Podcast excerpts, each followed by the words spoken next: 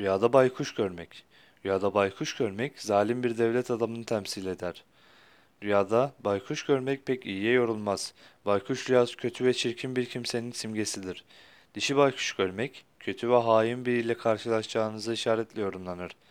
Evine baykuş geldiğini görmek, ölümünün yaklaştığına veya evinin harap olacağına veya çok çirkin kelimelerle saldırıya uğrayacağınızı işaretle yorumlanır.